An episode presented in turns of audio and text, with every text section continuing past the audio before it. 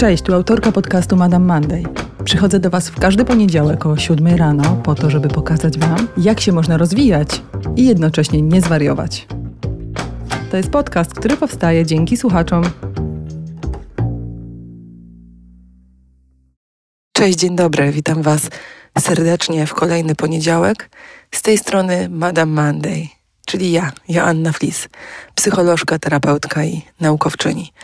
Jestem tutaj z Wami już od pół roku i mam nadzieję, że podcast, którego słuchacie, jest tą przestrzenią, dzięki której możecie się rozwijać na trochę innych, łagodniejszych zasadach, z miłością do siebie, z miłością do innych i z szacunkiem do tego, że rozwój to taka przestrzeń, w której trzeba dać czas czasowi i nic nie dzieje się z dnia na dzień. I na ten rozwój my sobie pracujemy i czasem Nasza psychika potrzebuje trochę więcej czasu, a czasem trochę mniej. Mamy niekiedy takie szczęście, że coś nam szybko zaskoczy. Ale najczęściej to trochę działa w taki sposób, że zanim coś nam zaskoczy, to bardzo, bardzo długo musi w nas pracować.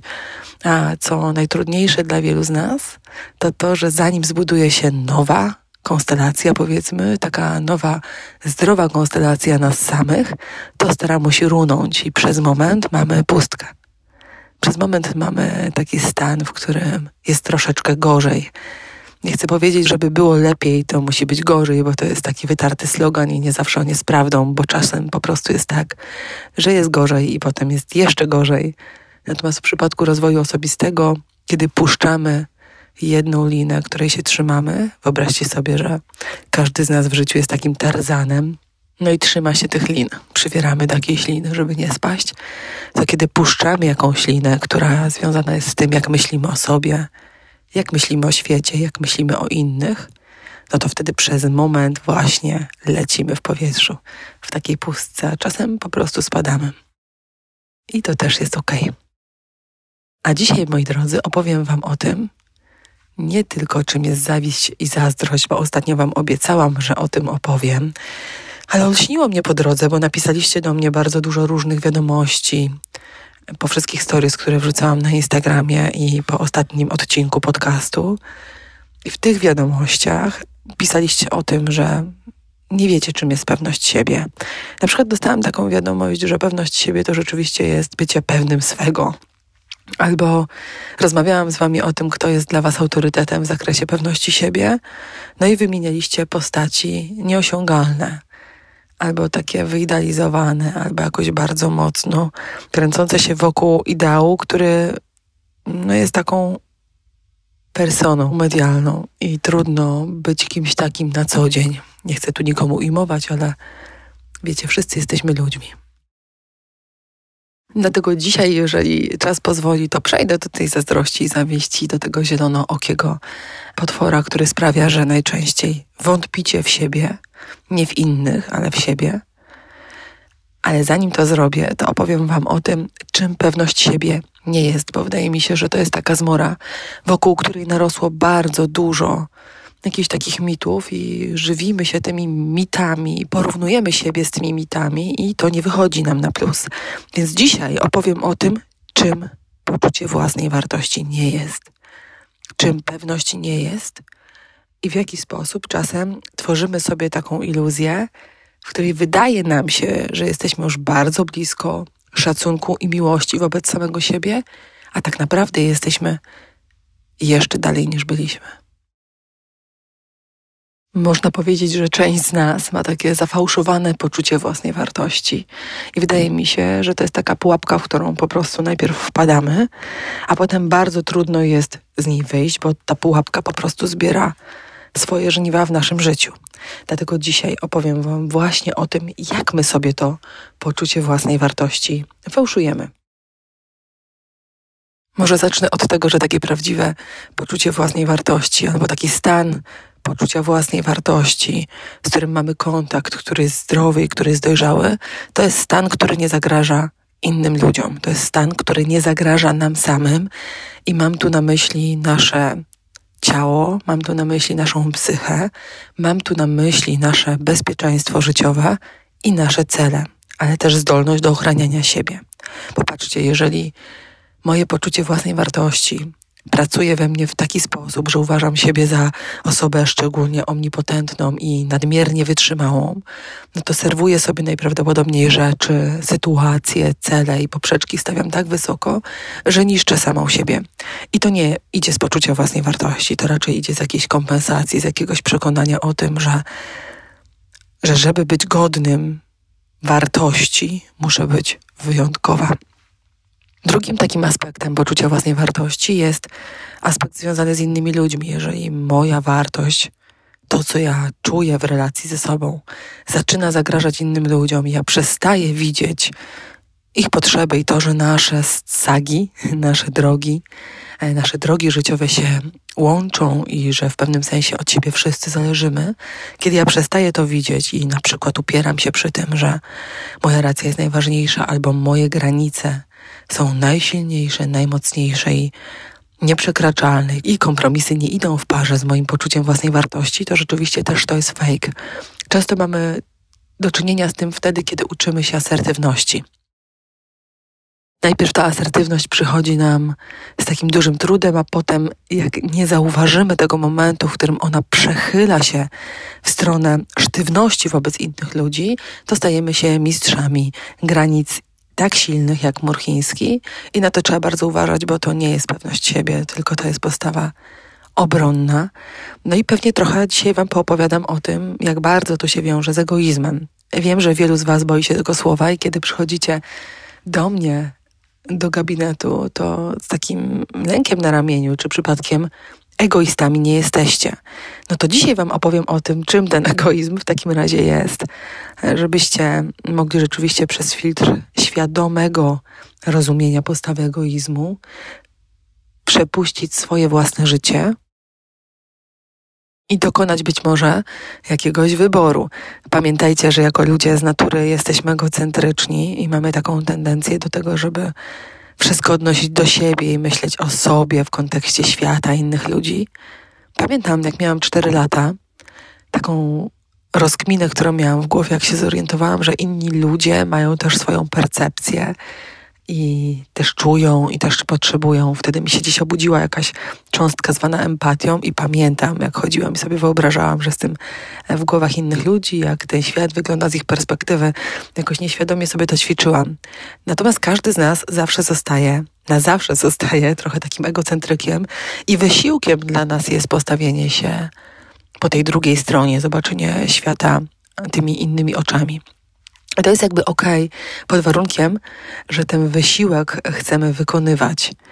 Czyli egoizm jest takim momentem, w którym ja pielęgnuję swój egocentryzm, nie wykonuję wysiłku do empatii, nie wykonuję wysiłku związanego z tym, żeby rozumieć drugiego człowieka, tylko zanurzam się w tej egocentrycznej wizji i ją sobie uprawomocniam. Czasem w rozwoju osobistym słyszymy takie treści, które nam to uprawomocnienie bardzo ułatwiają, czyli wtedy łatwiej jest nam podjąć decyzję o tym, że moje jest mojsze i mam e, do tego prawo, bo to jest moje jedyne życie i to ja tutaj będę mm, sterem i okrętem. Jak kiedyś widziałam na takim plakacie i śrubokrętem. I owszem, jest jakaś część w tej prawdy, natomiast kiedy zaczynamy wierzyć w to, że to jest okej, okay, że my nie wkładamy tego wysiłku w innych, tylko wkładamy wysiłek cały czas w siebie, w swój rozwój osobisty, to wtedy mogą się pojawić e, egoistyczne postawy, egoistyczne tendencje. Popatrzcie w samym założeniu takim mój rozwój osobisty, a mm, gdzie mamy koncept związany z rozwojem społecznym? Czemu to nie jest takie popularne? Dlaczego w ogóle nam się to nie łączy? Przecież rozwój osobisty wiąże się również z rozwojem społecznym. Tego się nie da rozłączyć. Wiecie, że ja jestem fanem języka i tego, co język robi z naszymi głowami. I nawet jeżeli teraz ktoś będzie chciał mnie przekonać, że przecież w rozwoju osobistym mamy cząstki związane z rozumieniem, szanowaniem, kochaniem i wspieraniem innych ludzi, to ja odpowiem na to w taki sposób, że jeżeli ciągle mówimy rozwój osobisty, rozwój osobisty, rozwój osobisty, to zapominamy o tym, że jesteśmy osadzeni w jakimś kontekście społecznym. I to z zasady sprawia, że ja ciągle osobiście odbieram wszystko i to jest cholernie niebezpieczne, bo jak ja osobiście odbieram wszystko, to jestem często osobiście mocno urażona wobec tego, czego chcą inni, kim są jak się wobec mnie zachowują. To jest jedna z gorszych rzeczy, jakie możemy sobie zafundować, wszystko odbierać osobiście. Raczej kiedy jesteśmy zdrowi, to rozumiemy, że między nami a innymi ludźmi jest sobie taka fosa psychologiczna i czasem ją przekraczamy, tą fosę, po to, żeby właśnie wykonać wysiłek i coś zrobić w kontekście drugiego człowieka, ale najczęściej jesteśmy po swojej stronie i tam dokonujemy różnych wyborów, biorąc pod uwagę swoje potrzeby, a nie to, jaki ktoś jest. Czy jeżeli ktoś was uraził, zapomniał o was, nie zaprosił gdzieś, nie zwrócił uwagi na Wasze potrzeby, zachował się nietaktownie, to najczęściej ma to mały związek z jakimś świadomym, intencjonalnym wysiłkiem skierowanym ku temu, aby Was tak potraktować. Raczej to jest po prostu ślepota, no bo my za tą naszą fosą czasem wielu rzeczy nie widzimy i potem musimy dopiero wyjść i zrobić wielkie aha. Nie wiedziałem, nie pomyślałem, nie wziąłem pod uwagę, w moim świecie takie rzeczy nie mają znaczenia. I mniej więcej tak to wygląda. Więc teraz rozróżnijmy te dwa pojęcia. Egoizm od egocentryzmu. Egocentrykami jesteśmy raczej wszyscy. Rodzimy się i względnie nabierając umiejętności empatyzowania z innymi, możemy się trochę tego egocentryzmu pozbyć, albo nie. Część z nas nigdy się go nie pozbywa. Jak mamy egocentryzm bardzo, bardzo nasilony, to to się nazywa ksobność. I ksobność jest takim już patologicznym objawem wtedy, kiedy rzeczywiście czytamy wszystko jako takie o nas. Jak ktoś się gdzieś śmieje, to na pewno ze mnie. Jeżeli ktoś z kimś rozmawia na imprezie, to na pewno o mnie. Jeżeli ktoś jest bohaterem różnych opowieści, to z pewnością ja. Jeżeli ten ktoś spojrzał na mnie, z pewnością coś o mnie sobie złego pomyślał. I to jest ksobność. Wszystko wtedy jest o mnie. Jestem kontekstem dla wszystkiego. Wydaje mi się, że jestem jak to słońce, wokół którego organizują się wszystkie planety. To jest bardzo niebezpieczny objaw, dlatego że jest strasznie męczący. Jak sobie wyobrażycie takie życie, w którym wszystko jest o was, no to to jest dramat. Zdecydowanie lepiej jest być sobie jakąś ziemią, która krąży wokół Słońca niż odwrotnie. Okej. Okay. Popatrzcie, co jesteśmy my egocentryczni. W epoce antropocentryzmu postanowiliśmy być słoneczkiem dla wszystkich innych gatunków i wszystko jest o nas i dla nas i dlatego, że wszystko jest o nas i dla nas, to wydaje nam się, że ziemię można eksploatować, że zwierzęta można hodować, zabijać w brutalny sposób, a potem zjadać wydaje nam się, że jeżeli coś się na Ziemi dzieje, to w naszym kontekście stworzyliśmy nawet filozofię, tak, religię, która zakłada, że wszystko to jest o nas i dla nas, i nawet jeżeli dzieje się źle, to przez nas. I nie chodzi tylko o religię chrześcijańską, chodzi też o inne koncepty, w których ludziom się wydaje, wydawało, że to oni sprowadzają deszcz na ziemię, albo że to oni są odpowiedzialni za suszę. Więc jak słyszycie, egocentryzm jest taką naszą ludzką cząstką, a potem pojawia się świadomość. Pojawia się zdolność do rozumienia drugiego człowieka, zwana empatią, współczuciem. Czasem nawet syntonią, wtedy kiedy czujemy tak jak ktoś, no ale tego nie polecam.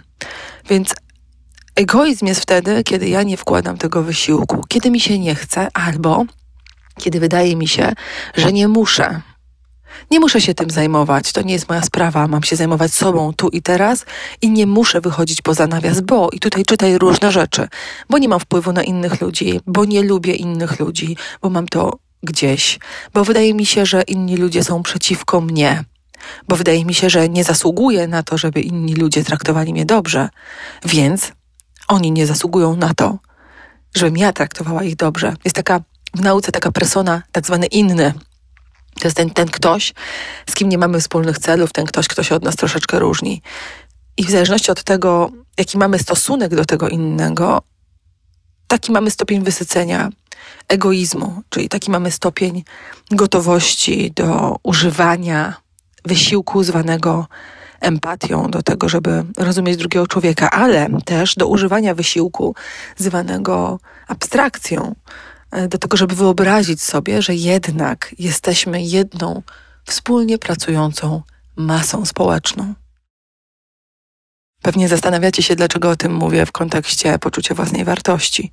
No, no właśnie dlatego, że nie ma zdrowego poczucia własnej wartości i nie ma pewności siebie bez tego wysiłku. Jeżeli nie wkładamy tego wysiłku i po prostu chcemy o sobie myśleć super, robić to, na co mamy ochotę, i pojmować wolność jako mogę wszystko, no to wtedy pojawiają się właśnie te zafałszowane stany, w których nigdy nie dotkniemy tego, że jesteśmy ważni. My dla innych i inni dla nas. I że mamy moc chodzenia na kompromisy na przykład. I że asertywność nie polega na tym, że mam granicę jak mur chiński, tylko asertywność polega na tym, że jestem w stanie włożyć wysiłek w zrozumienie swoich granic i ich rozpoznanie, ale też jestem w stanie włożyć wysiłek w zrozumienie i poznanie cudzych granic. Popatrzcie, jakie to jest szalenie ważne.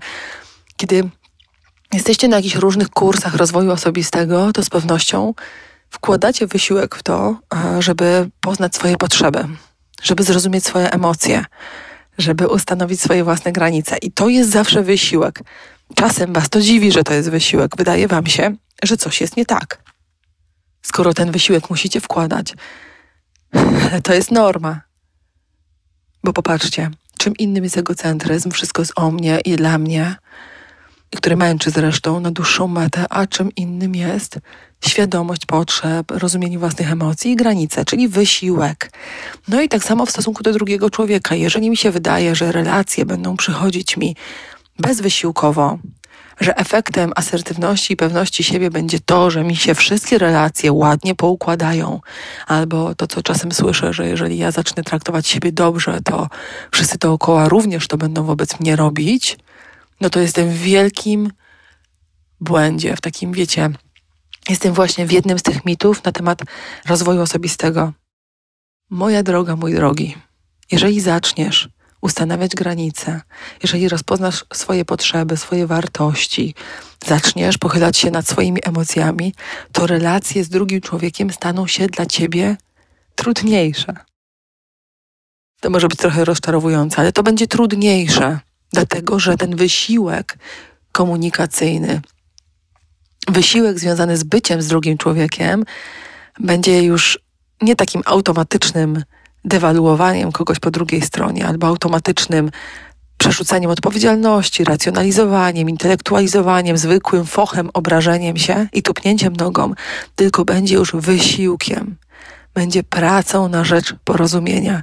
Dlatego za każdym razem, kiedy Twoje relacje się komplikują i zaczynasz być w takim miejscu, że już nie wiesz ostatecznie, no kto tu ma większą rację? To znaczy, że się rozwijasz, bo twoje relacje wraz ze świadomością będą trudniejsze, ale ty wraz z rozwojem będziesz mieć większą umiejętność pokonywania tych trudów, czyli te trudy będziesz pokonywać świadomie, jak z każdym innym rozwojem.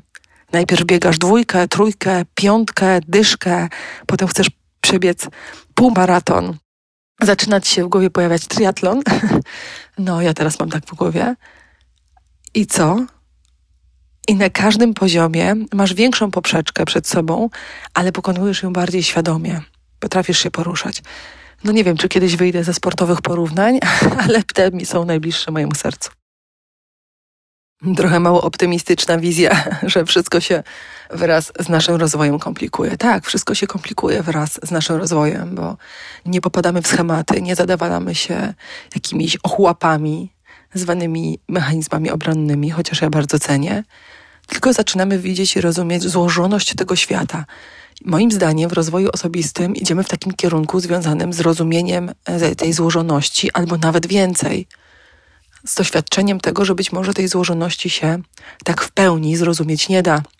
I że ta cząstka nierozumienia jest cząstką mądrości. No dobra, ale przejdźmy teraz e, do pewności siebie i do tego, jak ją w takim razie fałszujemy. Teraz już wiecie, że skoro ją fałszujemy, to znaczy, że idziemy w egoistyczne postawy. I robimy różne rzeczy, żeby nie włożyć wysiłku w to, w co powinniśmy włożyć. No bo popatrzcie, jeżeli ja pracuję nad pewnością siebie i poczuciem własnej wartości, żeby udowodnić sobie, że jestem kimś bardziej wyjątkowym od innych, czyli idę w tą egoistyczną cząstkę, no to nigdy nie dotrę do miejsca zwanego poczuciem własnej wartości. Dlaczego? Dlatego, że możemy czuć własną wartość tylko wtedy, kiedy zauważymy równą wartość innych ludzi. Jeżeli nie dążysz ku temu, by być na równi z innymi, to nie pracujesz nad poczuciem własnej wartości. To pracujesz nad narcystyczną cząstką siebie, która ci podpowiada, że zawsze możesz lepiej niż inni, że zasługujesz na coś lepszego niż inni, że przecież masz większe zasoby, możliwości i wkładasz więcej wysiłku w życie niż cała reszta, albo że chcesz komuś coś udowodnić. Wiecie, efekt zjazdu klasowego. Jeżeli chcesz komuś coś udowodnić, jeżeli chcesz sobie coś udowodnić, e, to nie pracujesz nad poczuciem własnej wartości, bo w poczuciu własnej wartości wiesz, że niczego udowadniać nie trzeba. No i to jest ta różnica. No to teraz przejdźmy dalej. Czym są te inne kompensacje i czym są te inne maski? Maski, za którymi kryje się nasz egoizm i egocentryzm i tak naprawdę nasza dziecinność, niedojrzałość. Większość z nas w dzieciństwie dostawała dużo nieadekwatnych pochwał. Nawet jeżeli pochodzicie z domów, w których, moi drodzy, było różnie, i to są domy dysfunkcyjne, to i tak dostawaliście w życiu dziecięcym dużo nieadekwatnych pochwał. Chociażby w szkole, od jakichś cioć, babć, sąsiadów, dużo nieadekwatnego wpiernicz, ale też dużo nieadekwatnych pochwał. I wiecie, pochwały są karmiące, więc my wpadamy na taki genialny pomysł, że oto one odzwierciedlają właśnie nas. I potem możemy próbować robić różne rzeczy, czyli wierzyć w różne fantazje o tym, że możesz być wszystkim, co tylko e, sobie pomyślisz, a nie do końca to tak działa. Kiedyś Wam już o tym opowiadałam. Myślę sobie, że jesteśmy dokładnie tym, kim powinniśmy być. Jeżeli nam się to nie podoba, to znaczy, że mamy kłopot z akceptacją życia takim, jakim ono jest. Oczywiście zawsze możemy włożyć jakiś wysiłek w to, żeby było trochę lepiej, ale bez takiego przekonania o tym, że nie żyjemy swoim własnym życiem, bo to jest chyba najgorsze przekonanie, z jakim przychodzą do mnie ludzie, którzy mi opowiadają o tym, że mają takie poczucie, że ich życie miało się potoczyć inaczej i że nie są w tym miejscu, w którym powinni być i że oto oni rezygnują, bo jeżeli mają żyć tak, no to po co? I teraz takie najważniejsze rozróżnienie poza egoizmem i egocentryzmem dzisiejszego dnia, że możesz z poczuciem własnej wartości budować kontakt, a możesz za nim gonić i to jest autodestrukcyjne. Budować kontakt to jest budować relacje z tym, co o sobie myślę, z tym, co czuję wobec samego siebie, z tym, z kim jestem. To jest trochę jak przyjechanie do jakiegoś miasta po to, żeby eksplorować tą rzeczywistość, buduje połączenie. Poczucie własnej wartości budujemy właśnie w takim miejscu. To jest połączenie z tym, kim jestem, przyjęcie tego, bez obrażania się na to, jak tam w środku jest, z taką twórczą postawą, która podpowiada nam, że z tego coś można zbudować, że to ma sens. A pogoń za poczuciem własnej wartości przypomina trochę właśnie wyścig szczurów, przy czym ścigamy się z samym sobą. Czyli cały czas próbujemy wybiec na prowadzenie wobec tego, z czym powinniśmy się połączyć. I to jest autodestrukcyjna postawa. Można powiedzieć, że większość ludzi żyjących w świecie konsumpcjonizmu, którzy próbują różne rzeczy gromadzić, którzy próbują udowodnić swoją wartość, którzy o tą wartość z innymi ludźmi walczą. Ja im jeszcze pokażę, że coś znaczę, tak? To są ludzie, którzy właśnie gonią za poczuciem własnej wartości. No i ono się przesuwa. Za każdym razem, kiedy dobiegasz, ono się przesuwa dalej, dlatego że czujesz wartość tylko wtedy, kiedy biegniesz. I to jest największa pułapka tej postawy, że ze szczytu nie widzisz tego szczytu, tylko wyznaczasz sobie kolejne szczyty. Pogoń za poczuciem własnej wartości zakłada, że ono się przesuwa i nigdy go nie dotkniesz. Jest jak pogoń za takim króliczkiem, którego nigdy nie złapiesz. Kiedy biegniesz, być może czujesz, ale są momenty, kiedy musisz się zatrzymać. Ciało cię zatrzyma, sytuacja geopolityczna cię zatrzyma, rodzinna cię zatrzyma, twój wiek cię zatrzyma, inni ludzie cię zatrzymają i wtedy dostajesz szału. Bo kiedy się nie ruszasz i nie biegniesz, to go nie czujesz. Nie czujesz się dobrze ze sobą. A popatrz, kiedy nie gonisz za poczuciem własnej wartości, tylko ono jest efektem połączenia ze sobą, to to się dokonuje tu i teraz. To tak jak łączysz się ze światem przez oddech, oddech, wdech i wydech, tak łączysz się ze swoim poczuciem wartości, bo ono już z tobą jest. Nie musisz na nie zapracować, nie musisz go komuś udowodnić. Nie jest ono związane z twoim idealnym ja, za którym podążasz. Ono z tobą jest. Za każdym razem, kiedy się zatrzymujesz i na nie spoglądasz, to ono tam będzie. I cała zabawa polega na tym, że wtedy możesz biec, ale nie za poczuciem własnej wartości, tylko za celami, za marzeniami, za fantazjami, dla przyjemności, spontanicznie, bo od tego, gdzie dobiegniesz, nic nie zależy. Nic od tego nie zależy.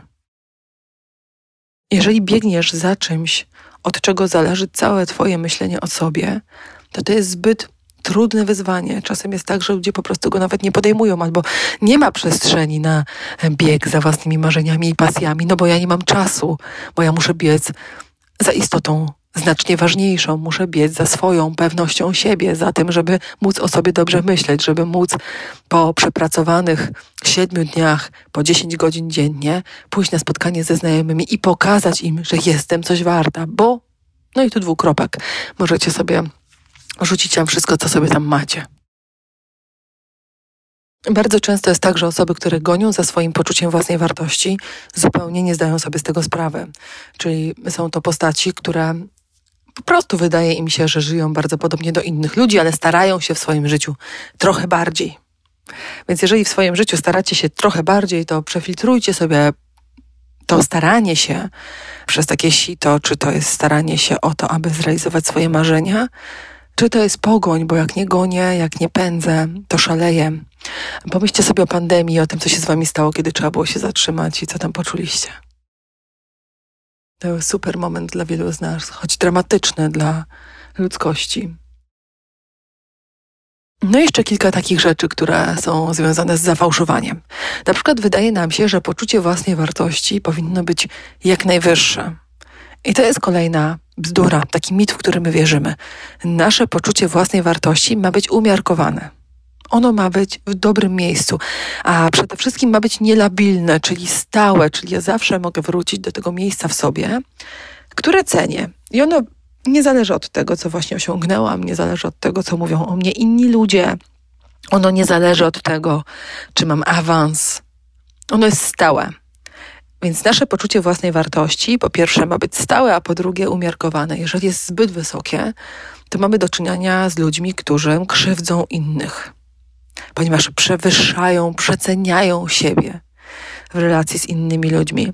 No i czasem mówimy o tym, że to jest pycha albo jakieś takie zarozumialstwo, a czasem stosujemy jakieś maski, które przypominają pychę i zarozumialstwo, bo nam się wydaje, że to trochę pokaże innym ludziom, że jesteśmy bardziej pewni siebie, bardziej cenni i bardziej wartościowi. Ojejku, no ja mam taką historię na przykład y, podstawówkową, która kręci się wokół tego, że się bardzo dobrze uczyłam i zawsze mi się wydawało, że moja wiedza pokazuje moją wartość. No to dziś ludźmi się dzielę wiedzą i o tej wiedzy opowiadam, ale też trochę inaczej.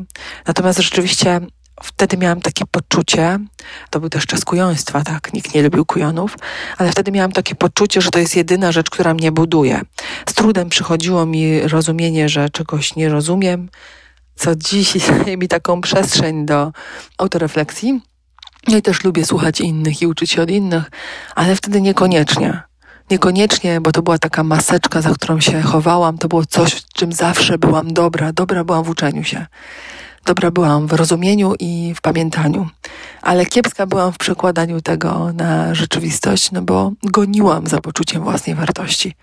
A potem się okazało, że ten mój zasób, jak się połączyłam sama ze sobą i ze swoją wartością, to ten mój zasób stał się najważniejszym zasobem, z którego korzystam i stał się takim zasobem, który sprawia, że ludzi wokół mnie jest bardzo dużo. Takich, którzy chcą mnie słuchać. Wydawałoby się, że mówię tak samo, wtedy mówiłam i teraz mówiłam, zawsze dużo mówiłam. to jest moja nić komunikacji ze światem. Natomiast coś się musiało we mnie zmienić, że to moje mówienie jest teraz czymś, co ludzi do mnie zbliża, a kiedyś było czymś, co ludzi ode mnie oddalało. Czyli było wymądrzaniem się. Jest potężna różnica między tymi e, dwoma stanami. Więc pycha, zarozumialstwo albo zbyt wysoka pewność siebie, sztuczna, wypracowana, nas od ludzi oddala i nie ma żadnego związku z naszym poczuciem własnej wartości, bo też wtedy nie dopuszczamy innych ludzi do siebie. Nie ma opcji, żeby dobić się do takiej osoby, która się takimi e, murami ogradza dookoła. No i teraz, kochani, o intencjach, bo my przypisujemy ludziom różne intencje i po tych intencjach możecie poznać, jakie jest to wasze poczucie własnej wartości. Zdrowe jest wtedy, e, kiedy jesteś w stanie zauważyć adekwatne intencje, ale masz taką tendencję do tego, żeby widzieć ludzi trochę cieplej. Czyli raczej widzisz, że ktoś dał ciała, ale zakładasz, że intencja tej osoby była dobra. Przypisujesz jej dobre intencje, ale nie idealizujesz, tak? Niezdrowe poczucie własnej wartości, niskie, jest wtedy, kiedy my przypisujemy ludziom bardzo złe intencje. Jeżeli u wszystkich ludzi widzimy, podejrzewamy, jakieś kiepskie intencje, to to zdradza nasze niskie poczucie własnej wartości. Jest trochę tak, autorka książki, którą dla Was tutaj dzisiaj trochę cytuję, mówi o tym, że jeżeli masz niskie poczucie własnej wartości, to możesz źle reagować na dobre, takie stabilne poczucie własnej wartości drugiej osoby że to się może zdarzyć i że to rzeczywiście trochę nam pokazuje, że się napinamy na ludzi, którzy lepiej o sobie myślą, są ze sobą w kontakcie, w połączeniu i mogą się zawsze odwołać do swojego brzucha i powiedzieć: Ale ja wiem, po co to robię, wiem, kim jestem, wiem, dokąd zmierzam. Poczucie własnej wartości najważniejsze dla nas jest wtedy, kiedy musimy pójść dalej, kiedy robimy coś kiepskiego, kiedy nam się przytrafia coś kiepskiego. Wtedy wracamy do swojego brzucha i pamiętamy o tym, że mamy wartość. Wiemy, dlaczego właśnie coś zrobiliśmy albo co chcemy zrobić w przód. Jesteśmy w stanie się troszeczkę poklepać po ramieniu. I właśnie na webinarze Wam o tym mówiłam, że popatrzcie, jeżeli mamy zawyżone poczucie własnej wartości albo taką maskę, taką sztuczną maskę, która nas chroni, to ona wtedy rozkwita, gdy mamy sukcesy. Mamy sukces i stoimy sobie w tym blasku, w leszy sukcesu i czujemy się ze sobą super.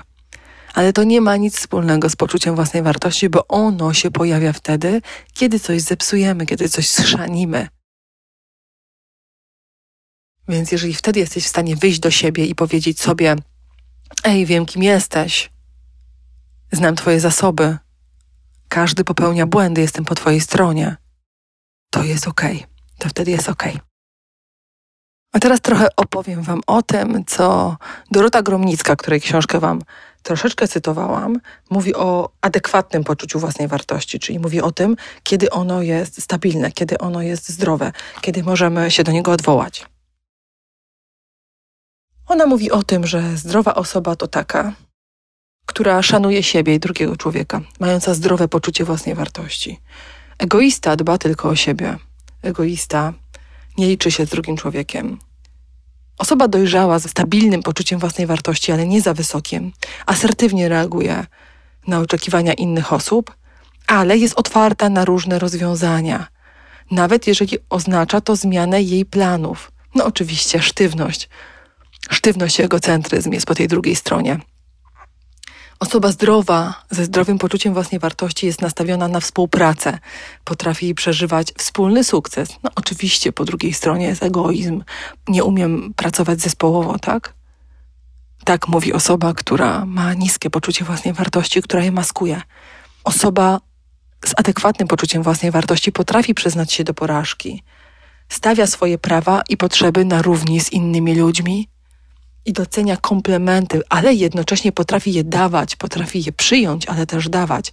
Potrafi mówić o sobie i o innych dobrze. Troszczy się o siebie, ale potrafi też zrezygnować ze swoich potrzeb, ze swojego komfortu dla kogoś, kto jest dla niej ważny, tak? Jest życzliwie nastawiona do osiągnięć, możliwości i potrzeb innych ludzi. Potrafi wyrazić swoje zadowolenie wtedy, kiedy inni ludzie odnoszą sukces. Zaprzeczenie tego wszystkiego, o czym pisze Dorota, jest właśnie brakiem poczucia własnej wartości i sygnalizuje nam o tym, że coś tutaj jest nie tak. Jak chcesz rozwinąć swoją wartość? No musisz najpierw przyjrzeć się temu, kim jesteś. Musisz przyjrzeć się temu, jak reagujesz. Musisz przyjrzeć się temu, czy to, po co zmierzasz, budując poczucie własnej wartości, jest właśnie poczuciem własnej wartości.